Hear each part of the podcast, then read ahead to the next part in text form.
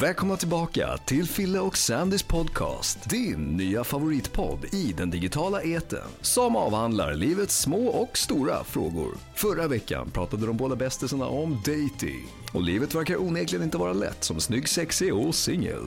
Men nu lämnar vi frenetiskt dejtande och högerswipande på Tinder bakom oss och fokuserar på dagens avsnitt som ska handla om karriär. Nu kör vi! Hej älsklingen! Hej. Hur mår du idag? Bra. Vi körde precis en kort meditation Mm. och det var väldigt skönt. Jag blev lite sömnig här i stolen kände jag. Mm, Jag kände att jag blev ett med min stol och mitt, min eh, axel med huvud, nacken sjönk liksom in så här. Världens finaste dubbelhaka. Ja, men det är det finaste i meditation, att man bara får vara. Och vi ska ju prata om allt annat än meditativt space idag. Idag ska vi prata karriär Mm. och eh, jag vill börja med att fråga dig Sandy, vad är det första du tänker på när du hör ordet karriär? Pengar. Är det sant? Man får se det så här. Jag har inte förlorat en falukorv. Jag har vunnit en chorizo. Men jag tänker success är det jag tänker på, på karriär. Typ att man ska satsa på att vara en succé.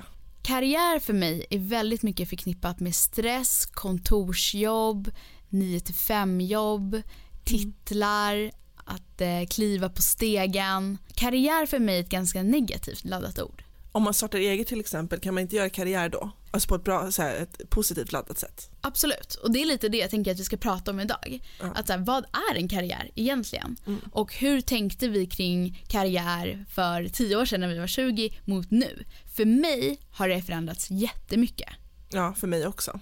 I vårt första avsnitt så pratade vi lite om det här med hållbarhet, att leva hållbart och det är ju verkligen någonting som har förändrats i karriären. Jag tyckte ju verkligen att det var okej i mina mitten av 25 att jobba över, jobba på helger, ifrågasatte inte det tills jag började få utbrändhetssymptom, alltså hjärtklappning, gnisslade tänder, ont i huvudet, såg dåligt och då insåg jag så här, okay, man kanske inte ska jobba så här mycket.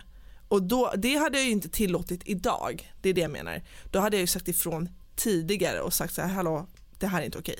Jag tänkte väldigt mycket på att man hade sina hundår. Efter att man hade pluggat på universitetet, fick ett jobb, då hade man sina hundår. Alltså om chefen bad en göra något, då gjorde man det. Man ifrågasatte aldrig någonting. Och jag minns att jag hade en kollega som var, hon var konsult. Så om hon jobbade exempelvis helger eller kvällar, vilket vi gjorde ganska mycket, då tog hon alltid sovmorgon eller tog en ledig dag. Vilket jag inte gjorde.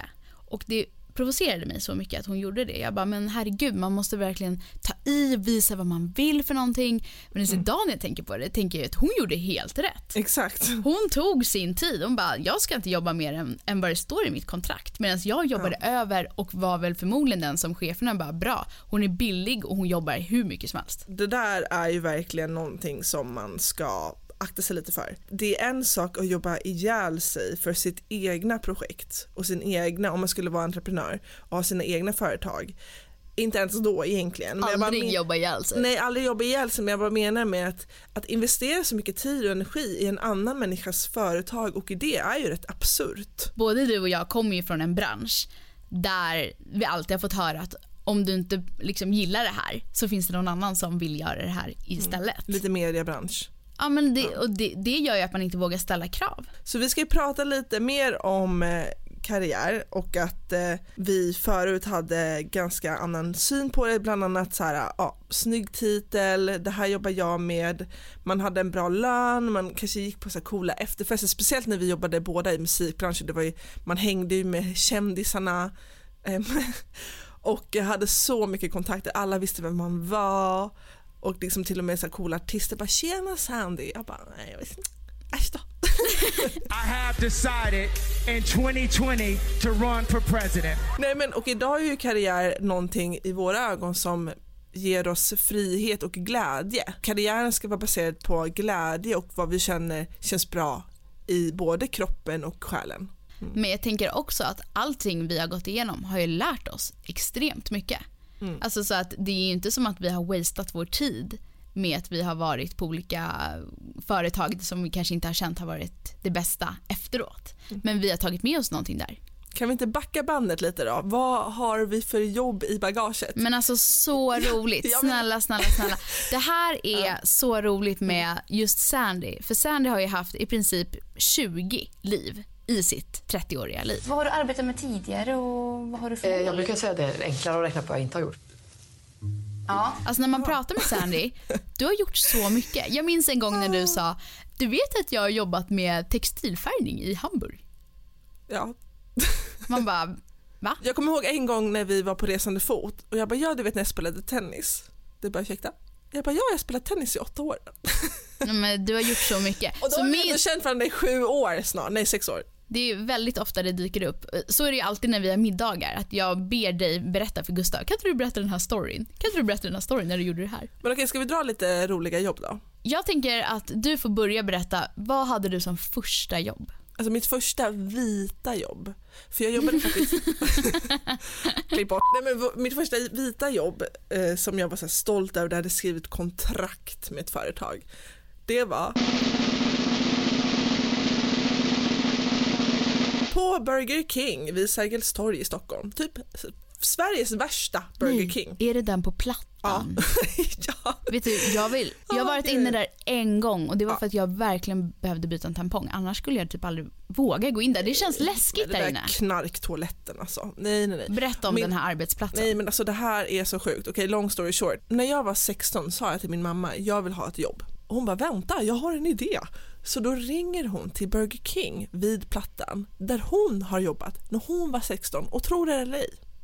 Det är samma chef, fortfarande en österrikare som min pappa också känner för att han är österrikare, min pappa. Men så min Man mamma känner ringer... varandra för att man är Ja österrikare. exakt, ja, men det finns inte så många österrikare i Stockholm. Och så då ringer min mamma till eh, den här chefen och bara tjena, kommer du ihåg mig? Det är Lona här, jag jobbade hos dig när jag var 16. Det är, alltså han, har, han jobbar kvar. Så han tar in mig under sina vingar och bara åh ännu en stadelman i familjen här.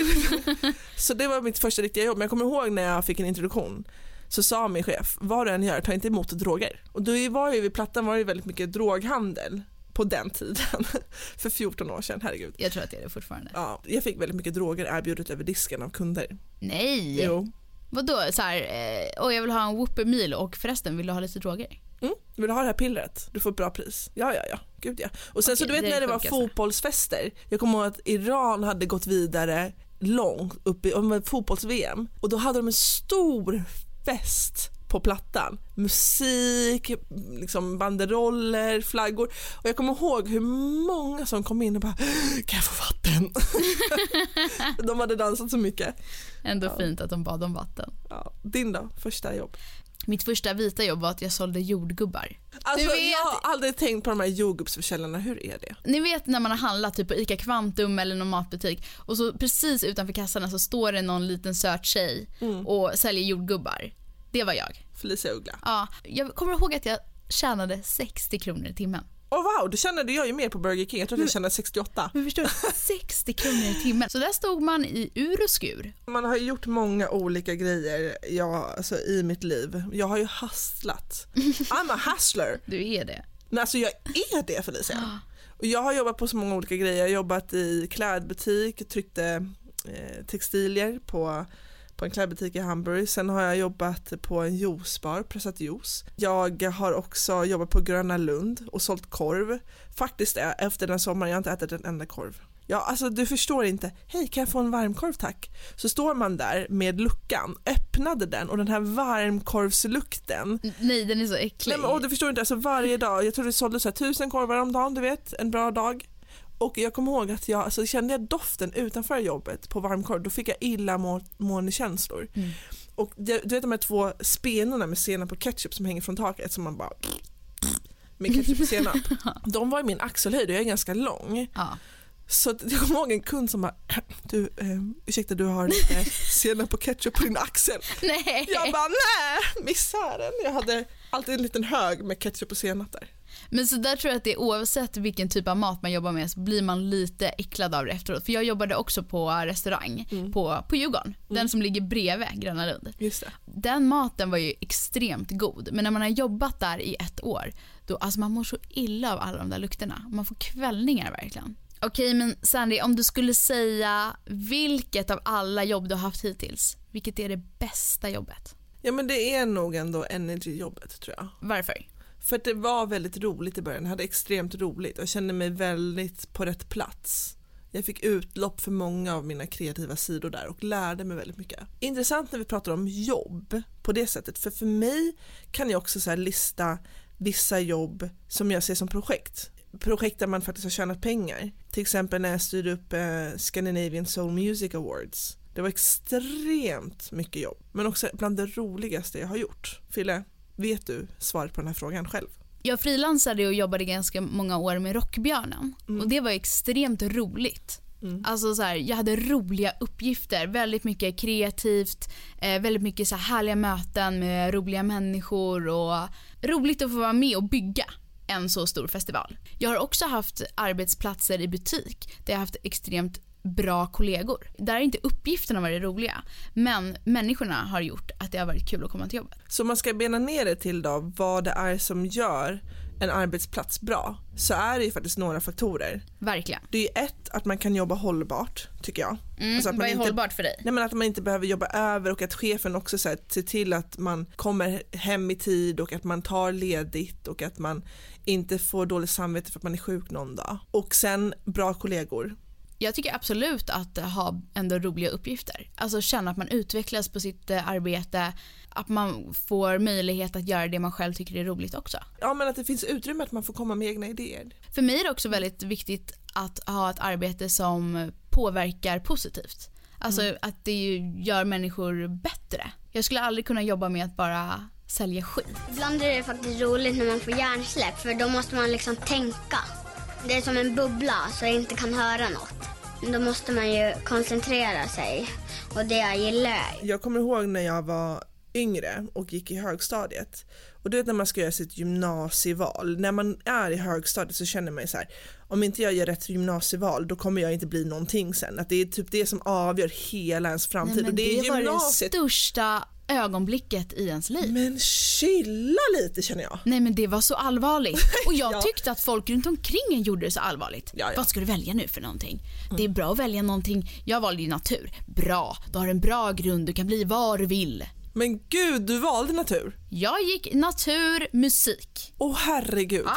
Alltså för det här är väldigt intressant. Min pappa och mamma lobbade idag natur, då, blir man ju, då, kan man, då har man så mycket framtid i, fr- framför sig. Och jag var så här, va? Nej, det tycker inte jag är kul. Bild och form är kul, det ska jag gå.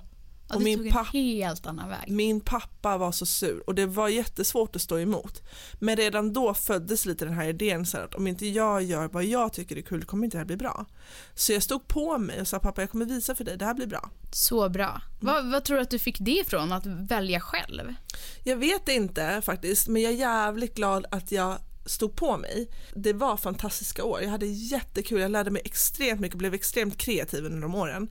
Och till er som kanske till och med ska välja gymnasium eller utbildning generellt så vill jag faktiskt säga så här, lyssna lite på magkänslan. Tycker jag att det här känns roligt?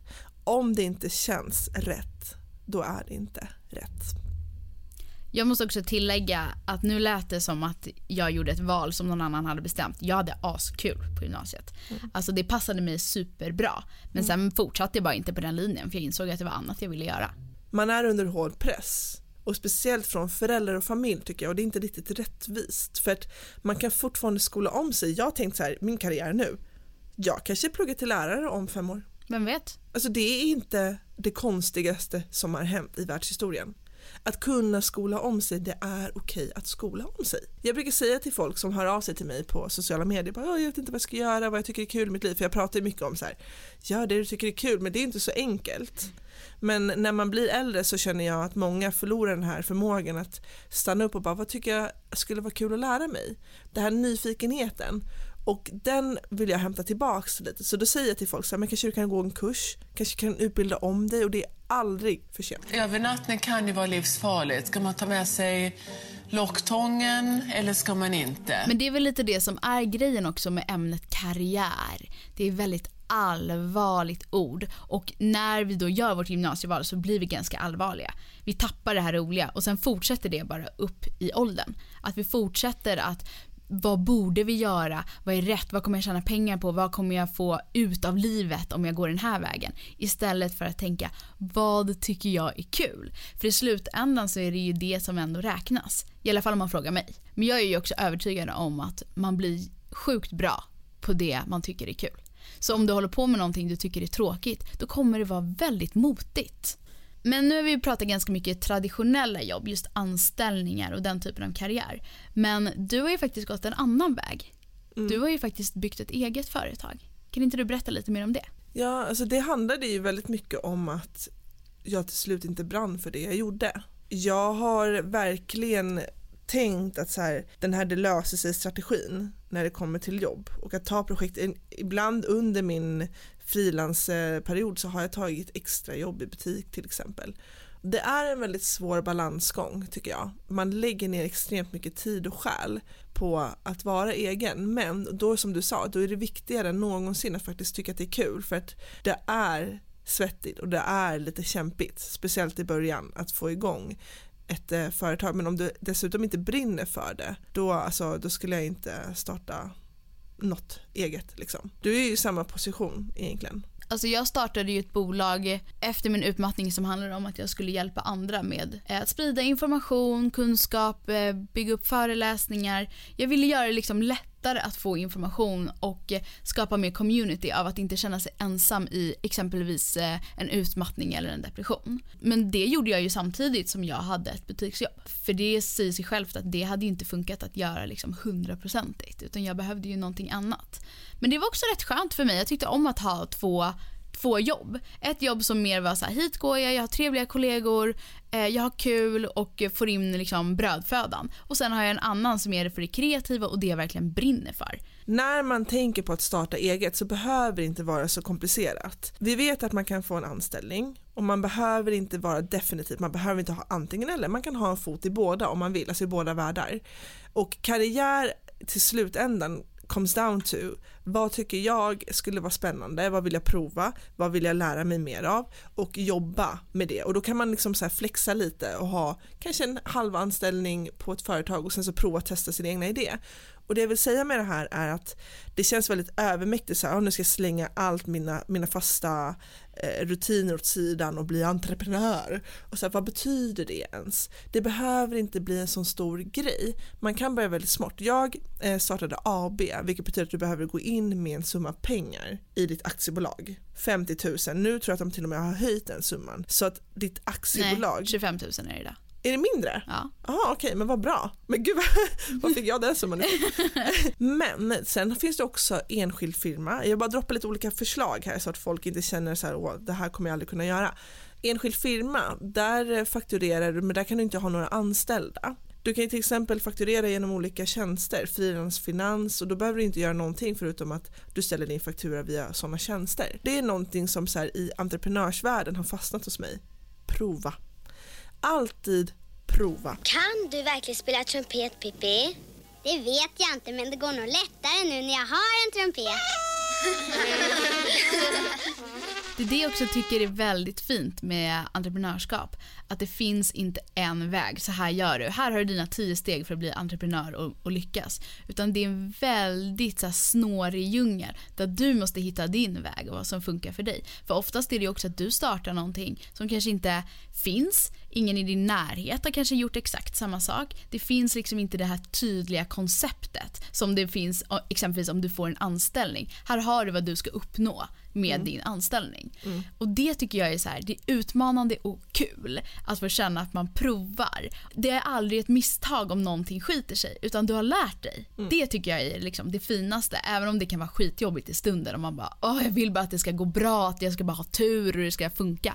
Men ingen har haft det så. Fråga vilken entreprenör som helst. Ingen har bara så här, ah, jag, jag bara lyckades. Vi har ju faktiskt några egna tips för att så här, våga satsa på någonting eget om man inte vill vara anställd. Jag skulle vilja börja med ett av tipsen och det är faktiskt att våga eh, gå en liten utbildning eller kurs för att komma närmare målet. För det är många som hör av sig och säger jag vill också bli fotograf men jag kan ingenting om kameror. Men okej, då kanske du kan gå en liten så här helgkurs på Fotografiska som har fotoutbildningar mm. och få lite grundkunskaper och känna dig lite mer självsäker på att okej, okay, hmm, jag har lite teknisk kunskap nu, nu kan jag prova.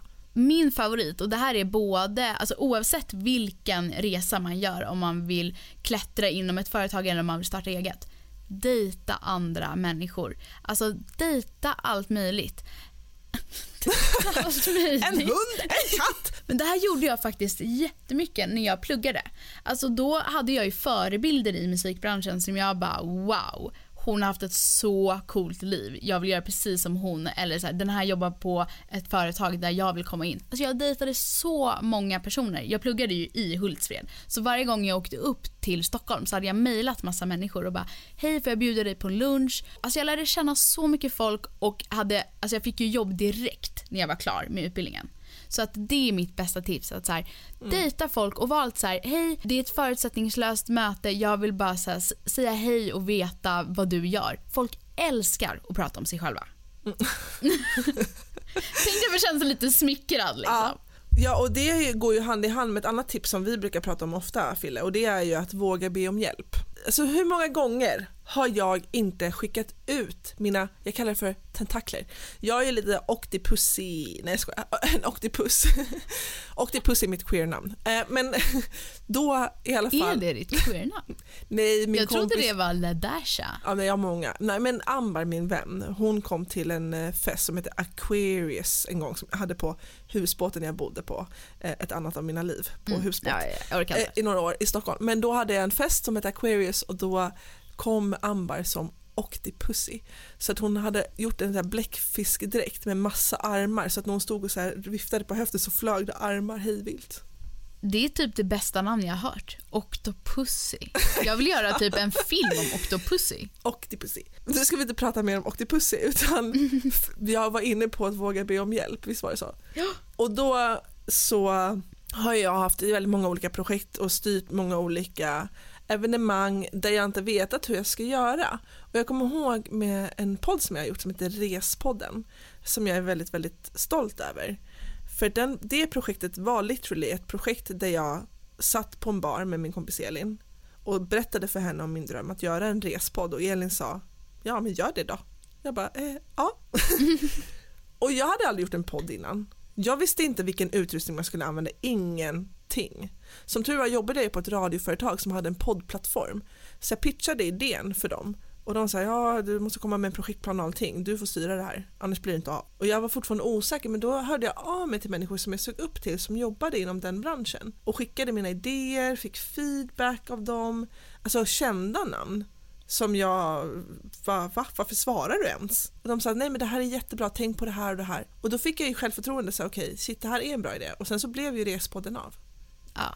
Och jag reste runt hela världen. Hör av er till folk ni följer på Instagram, våga skriva, fråga om tips, råd, vad som helst. Har du bett om hjälp Fille? Jag har bett om hjälp, mm. så många gånger. Jag ringer ju dig typ varje dag och bara “jag förstår inte det här, kan du hjälpa mig?”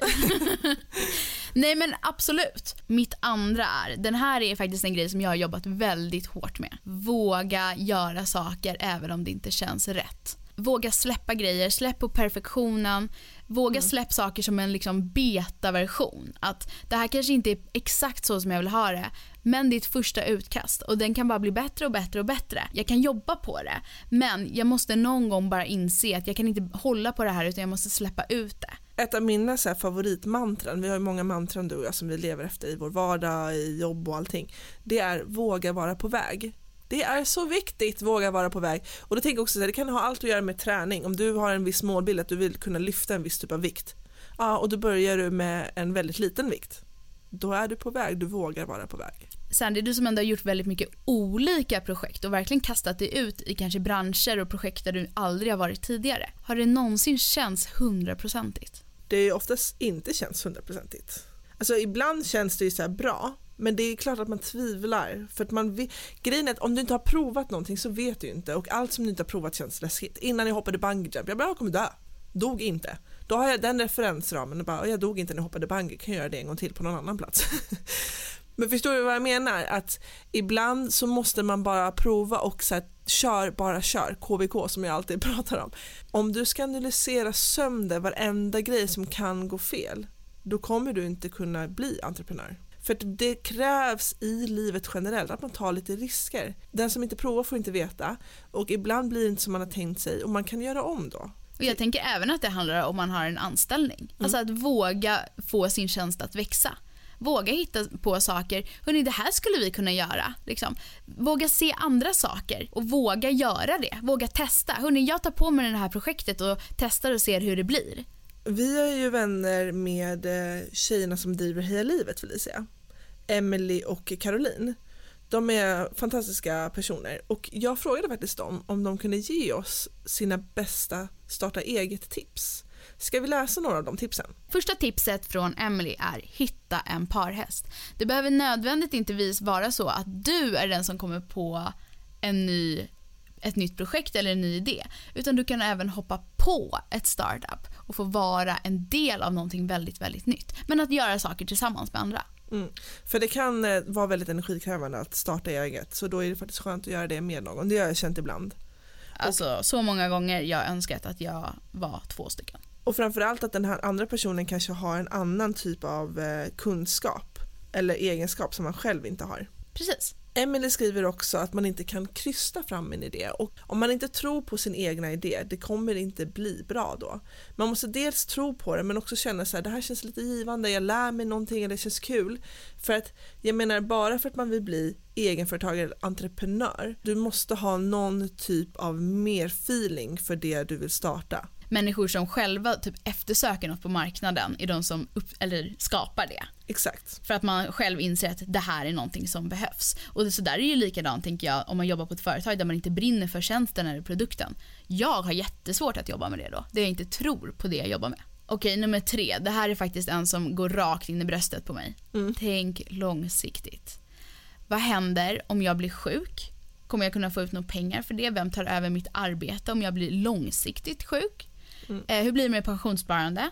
Semesterersättning? Alltså att kolla upp massa av de här frågorna som man inte har, det är inte lika mycket trygghet i ett eh, entreprenörskap, speciellt inte i början. Så mitt bästa tips där är typ att kolla på exempelvis Unionen, de är jätteduktiga på de här frågorna. Tipsen kommer alltså från Emily och Karo som driver Facebookgruppen Heja Livet. Så att om ni inte är med i den redan, snälla gå med i den gruppen. Det är en extremt givande och viktig grupp där man peppar och hejar på varandra. Följ också Heja Livet på Instagram tycker jag. Och jag vill bara säga en sista eh, punkt här som Caroline skriver. Det är att skynda långsamt och det har vi pratat om att våga vara på väg. Det är okej om saker tar tid. Det kanske inte blir ett miljonföretag över natten. Förmodligen inte. Om man inte blir hiphopartist. Förmodligen inte då heller. Jo, jag heter faktiskt Sandy, jag har skrivit detta själv med papper och penna. Hey, jo, jag heter faktiskt Eddie, jag har skrivit detta själv med papper och penna, hej. Kommer du ihåg? Från Idol. Du var det där kom ifrån? Du bara... Kom. Fan vad sjukt! Okej. Okay. Det var allt för dagens avsnitt om karriär. Glöm inte att vi faktiskt har en webbsajt. Filleochsandy.com mm. Vad kan man hitta där? Alla avsnitten Mm. Man kan även hitta kontaktuppgifter till oss om man vill mejla. Skicka jättegärna in feedback vad ni tycker, vad ni vill att vi ska prata om för någonting. Ni kan också hitta oss på sociala medier. Ja. Där heter jag Felicia Uggla, Felicia med Z. Och Sandy Stadelman! Jag skojar. Nej, Sandy Stadelman. Nästa vecka blir det vänskap. Mm, hejdå. Jag skojar. till dig alltså, vår vänskap. Nej. Nej, aldrig. Okej, det är ändå ett favoritämne. Det är en hjärtefråga. Ja. ja. Men det är för att vi har så fin vänskap. Men jag har många andra också. Nej. Jo. Det där, vi får prata om det nästa vecka. Okej, puss och kram allihopa. Puss puss.